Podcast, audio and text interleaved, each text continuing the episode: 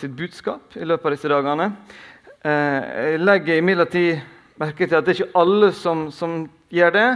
Jeg så at det her var noe som var godt likt på Instagram i løpet av uka.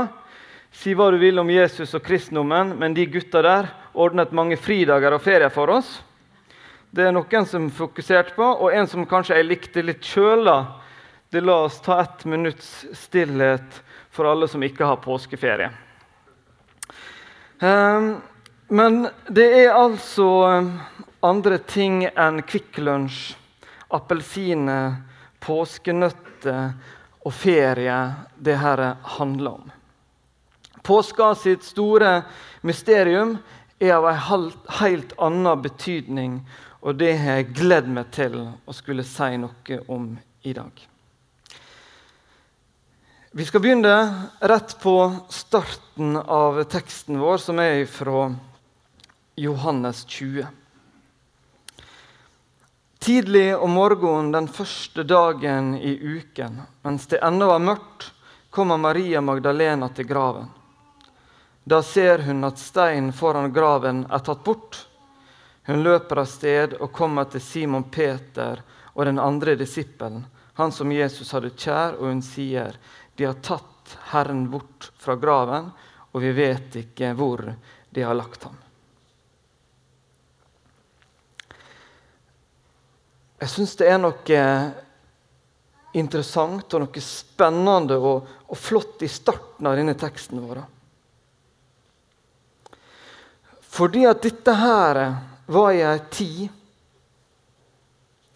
der at kvinner ikke fikk vitne i rettssak. Ei kvinne sitt vitne var ikke gyldig. Men når menneskehetens største nyhet skulle kunngjøres, så var det ei kvinne som hadde lidd mye. Som hadde vært gjennom mye vondt, som skulle være den som fikk oppdage dette og formidle det videre.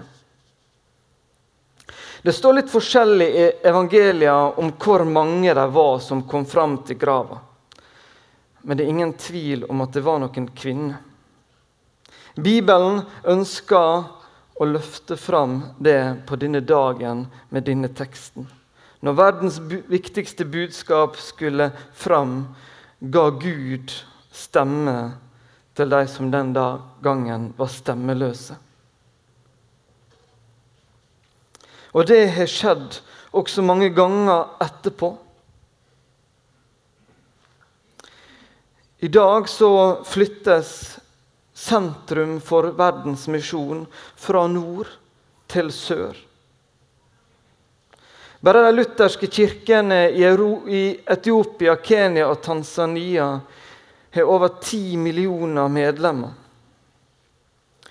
De landene som sender ut mest misjonærer i dag, er ikke USA eller Nord-Europa. Det er i sør det nå skjer. De som før hadde en begrensa stemme, har nå fått en tydelig stemme, og de bruker den. Jeg sto her nede for to uker siden og kjente at jeg, jeg nesten skalv litt. Når Timesken, som talte da frimodig, sa det at han kjente på at han er sendt fra Afrika, fra Etiopia, til Norge for å fortelle oss at vi trenger å søke Guds kraft. At vi trenger å be om Guds kraft i det arbeidet vi driver på med. Jeg hørte også nylig en historie fra Porsgrunn. En pinsemenighet i Porsgrunn som har fått en del afrikanere inn i menigheten. Ehm, det har blitt litt mer eh, folksomt på bønnemøter deres. Og her For en stund siden så syntes pastoren at nå hadde det hadde de bedt lenge og sa at nå syns de vi skal avslutte, så vi kan få kommet oss hjem til eh, Kveldsnytt. Eh, når han kom på jobb neste morgen, så hører han at det var en del liv inne i et annet rom der. Da var det disse afrikanerne som ikke var ferdig med bønnemøtet ennå. Jeg tror kanskje det hadde kommet noen som før ikke hadde som sterk stemme. De vi reiste til for å fortelle om Jesus, holder på å komme til oss og fortelle at vi trenger å utfordre litt denne komfortkristendommen vår. Ei stemme til ei stemmeløse. Vi leser videre. Da dro Peter og den andre disippelen ut og kom til graven. De løp sammen, men den andre disippelen løp fortere enn Peter og kom først. Han bøyde seg fram og så linklærne ligge der, men gikk ikke inn i graven. Simon Peter kom nå etter, og han gikk inn. Han så linklærne som lå der, og tørkleet som Jesus hadde hatt over hodet. Det lå ikke sammen med linklærne, men sammenrullet på et sted for seg selv. Vi blir rett og slett dratt med inn i en løpsduell her i dagens tekst. Hvorfor Johannes har et behov for å få fram i Guds ord at han er kjappere enn Peter, det har jeg stussa litt på.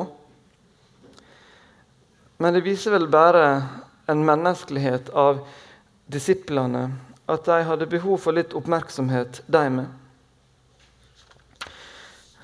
Men Johannes kommer altså først fram, men han velger å ikke gå inn.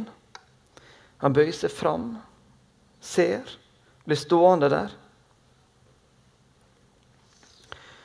Da gikk den andre disippelen også inn, han som var kommet først til graven. Enda en gang poengterer Johannes det med denne springinga. Men så går han inn, og så kommer fire forholdsvis små ord som er det viktigste i teksten vår. Han så og trodde. Fram til da hadde de ikke forstått det Skriftene sier, at han måtte stå opp fra de døde. Disiplene gikk så hjem. Han så og trodde. Johannes er tydelig på at de hadde altså ikke forstått det. De hadde vært sammen med Jesus i flere år. Jesus hadde noen ganger hinta forsiktig til hva som skulle skje. Noen ganger hadde han sagt det tydelig. Men de hadde ikke forstått det.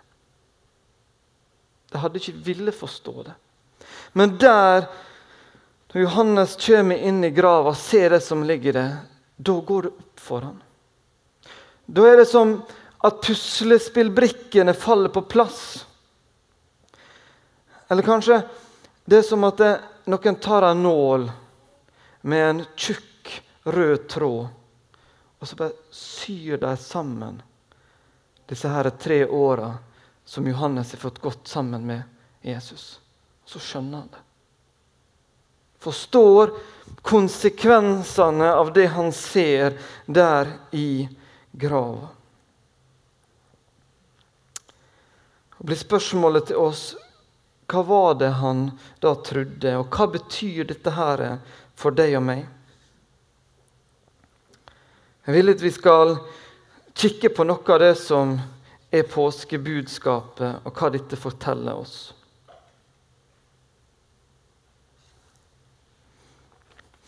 Skjærtorsdag var Jesus samla sammen med disiplene. De skulle feire påskemåltidet. Peter satt der. Johannes satt der. Judas var til stede. I løpet av måltidet så forteller Jesus at det er noen som skal svikte han, noen som skal forråde han, bedra han. Han sier det egentlig ganske tydelig at det er Judas. Hva skjer så etterpå at han har sagt det her? Jo, da tar han brødet så tar han vin, og så innstifter han nattvern. Han som få timer seinere skal forråde Jesus mot 30 sølvpenger. Han sitter der sammen med Jesus. Jesus veit hva som skal skje. Og så gir han han brødet og vin. Markusevangeliet er veldig tydelig på at Judas var til stede når nattverden blir innstifta. Der sitter også Peter, som sier til Jesus der med bordet at han skal ikke svikte han. Jesus sier at du tre ganger kommer du til å fornekte meg i løpet av denne kvelden. Han vil Jesus ha med seg når han skal feire nattverd. Jesus må en gang si til Peter, 'Vik fra meg, Satan'. Men han er sammen med Jesus når nattverden blir innstifta. Jesus satte ingen krav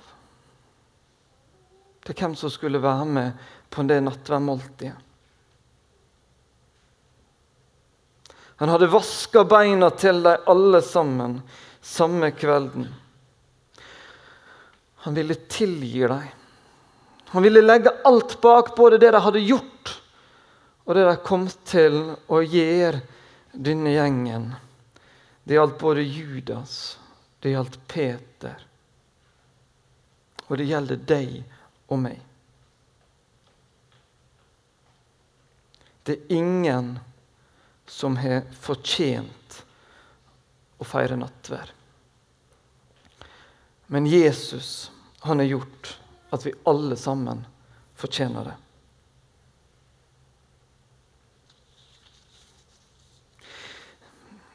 Vi mennesker har en vi har inderlig ønske om å, å fortjene noe.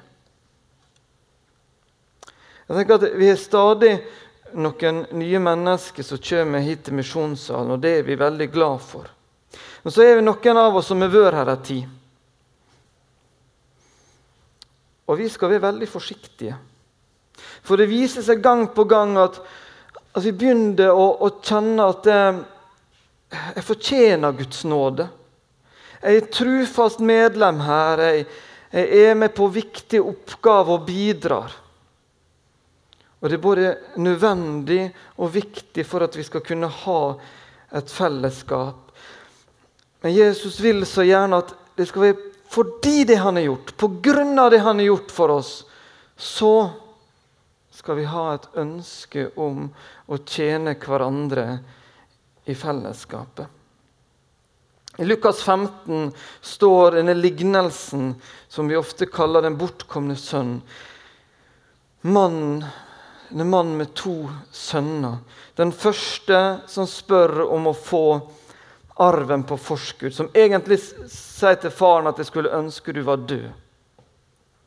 Men så er den andre som er hjemme med, med faren. Og som vi så tydelig ser at han, han føler han fortjener det å få være sønn på en helt annen måte. Han blir skuffa over at faren vil tilgi lillebroren når han kommer hjem. Han beskylder lillebroren for flere ting som ikke står noe om at han har gjort.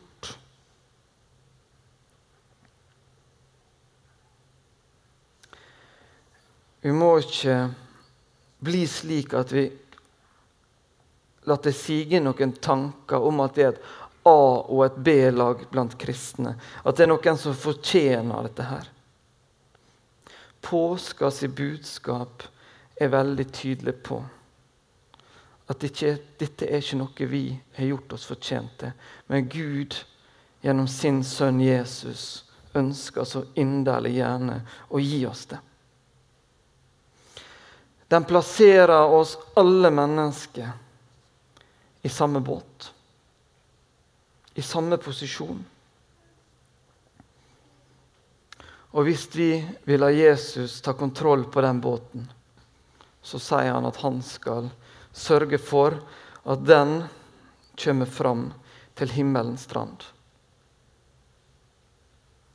Hvis vi derimot prøver å ta for mye kontroll sjøl, så kan det gå som en norsk politiker sa for noen år siden. Hvis vi alle hjelper til, så skal vi få denne båten til å gå rundt.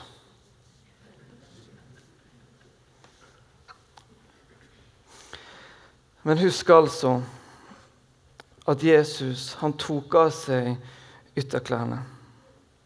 Han fant fram forkleet, satte seg på huk, vaska beina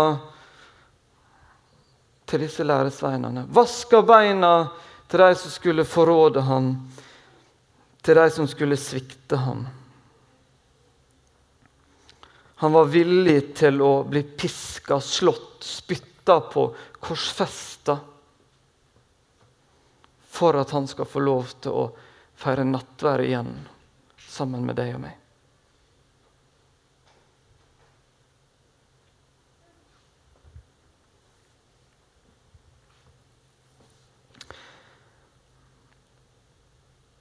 Vi skal gå over til et annet poeng. Ehm, for et par år siden så var det en som sa til meg Jeg lurer på hvorfor denne sangen 'Hill deg frelser og forsoner' liksom har vi har fått den inn i en ny drakt, og at den skal være en av de sangene som, som overlever, som er såpass gammel. Og Det fikk meg til å tenke litt på den teksten. Og så var det noe der i ene verset som eh, ja, Det var nesten som jeg kjente at blodet stoppa nesten opp i årene når det gikk opp for meg noe av det som står i den sangen. Det er mye god teologi, kristendomskunnskap, gjennom hele den sangen. Men dette her er en av de siste versene. Jeg skal snakke litt om særlig de tre siste linjene der. Ja, jeg tror på korsets gåte. Gjør det, frelser av din nåde. Vær meg nær når synden frister, ta min hånd når hjertet brister. Si vi går til paradis. Vær meg nær når synden frister. Er det sånn du tenker det? Jeg må innrømme at jeg, jeg tenker kanskje motsatt. jeg. Når jeg kjenner at jeg har litt lyst til å vri på, på det som er sant, for å sette meg sjøl i et bedre lys. Eller når jeg kjenner på fristelsen til å komme med en løgn overfor mine barn når jeg har lovt noe, for så å glemt det. Eller kanskje kan kjenne på fristelsen til å se litt mellom fingrene over fartsgrensene. Eller kjenne på lyst til å tenke mer på mine behov enn på kona mi sine behov. Da kjenner jeg at jeg egentlig har lyst til å være alene. Da kjenner jeg at det hadde egentlig vært greit om Jesus holdt seg et stykke unna. Da har det egentlig gale nok med den samvittigheten min om jeg ikke skal kjenne på et gudsnærvær der samtidig.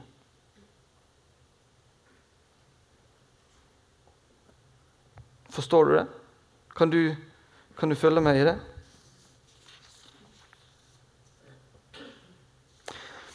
Men Jesus er nemlig ikke, han er ikke bare en frelser som ønsker å tilgi etterkant. Han elsker oss så høyt at han vil være sammen med oss hele tida. Han veit hvordan vi har det. Han er prøvd i alt, står det i Bibelen. Det er ingen følelser vi kan ha som ikke han har forståelse for. Og når jeg står og kanskje ser avgrunnen i mitt eget liv, ja, da ønsker han å være der og ta meg i hånda. Jeg, jeg, tror kanskje at jeg er over gjennomsnittet åpen med mitt liv. Og tenker egentlig at sånn, jeg har et ønske om at det skal fortsette å være. Um, men tro meg, det er, er, mange ting som jeg ikke kommer til å stå her framme og si. Det er mye dere ikke vet, og det er mye dere aldri får vite. Og jeg tenker at eh, Jeg tror at hadde dere visst alt om meg, så hadde dere skjønt at det er ikke så mange som, som ønsker å stå og holde meg i handa og vite alt det. Men det er en frelser som sier at han vil det. Som kjenner meg, som vet alt om meg. Og han var villig til å dø på et kors for å få lov til å holde meg i handa når jeg har det som verst. Kan du og jeg si som Johannes at vi tror? Så vil Jesus si til oss vi går til paradis. Kan du se det for deg? Når du står i en situasjon der du feiler, du gjør urett Kanskje er du med på å legge ei svært tung bør på et annet menneske sitt liv.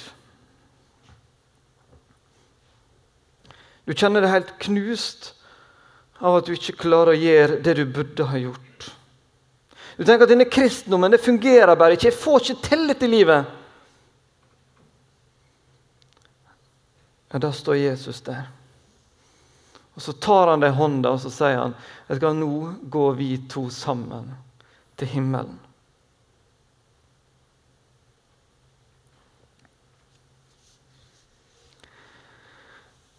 De siste to-tre åra så har ikke det vært lange pauser i abortdebatten i media her i Norge.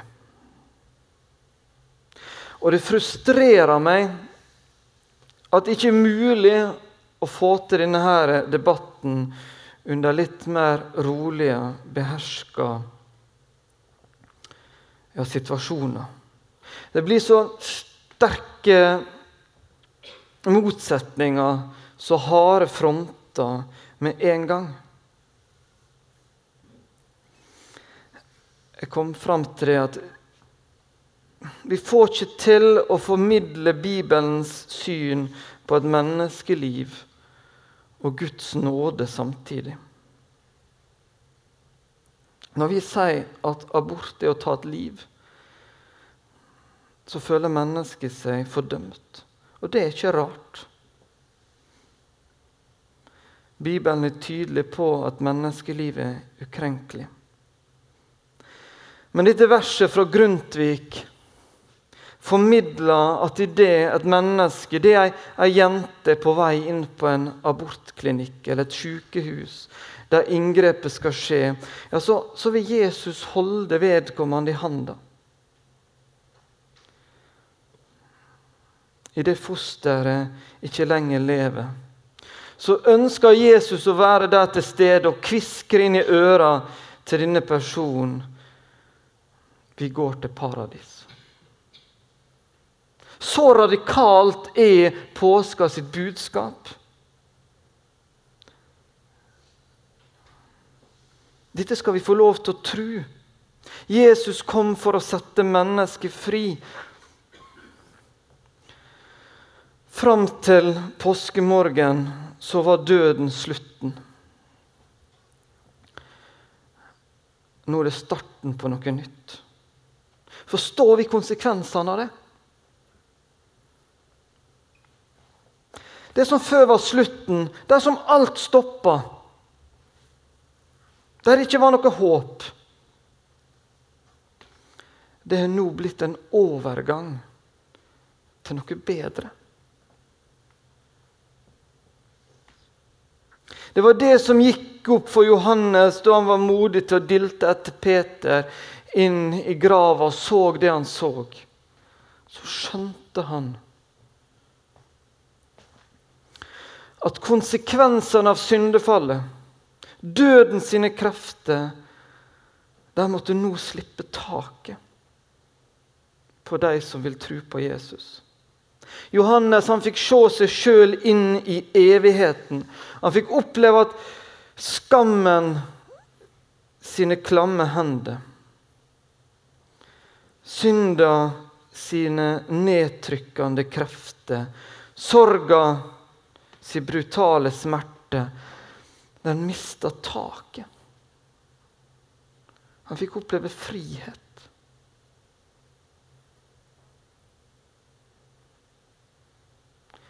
Jesus, han kom for å gi død til liv for deg.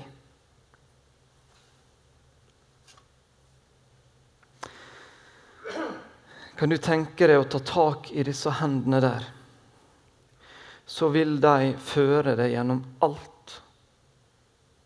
som vil kunne møte deg her i dette livet. For den som ønsker å ha med Jesus å gjøre, så vil han sette seg ned på huk. Han vil vaske beina dine. Han vil gi deg brødet og vin. Sin kropp og sitt blod.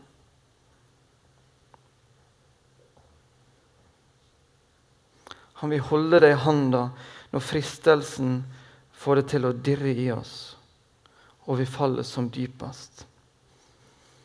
Da vil han si til deg nå skal vi gå inn i paradis. Da har vi god grunn til å si til hverandre god påske. Amen.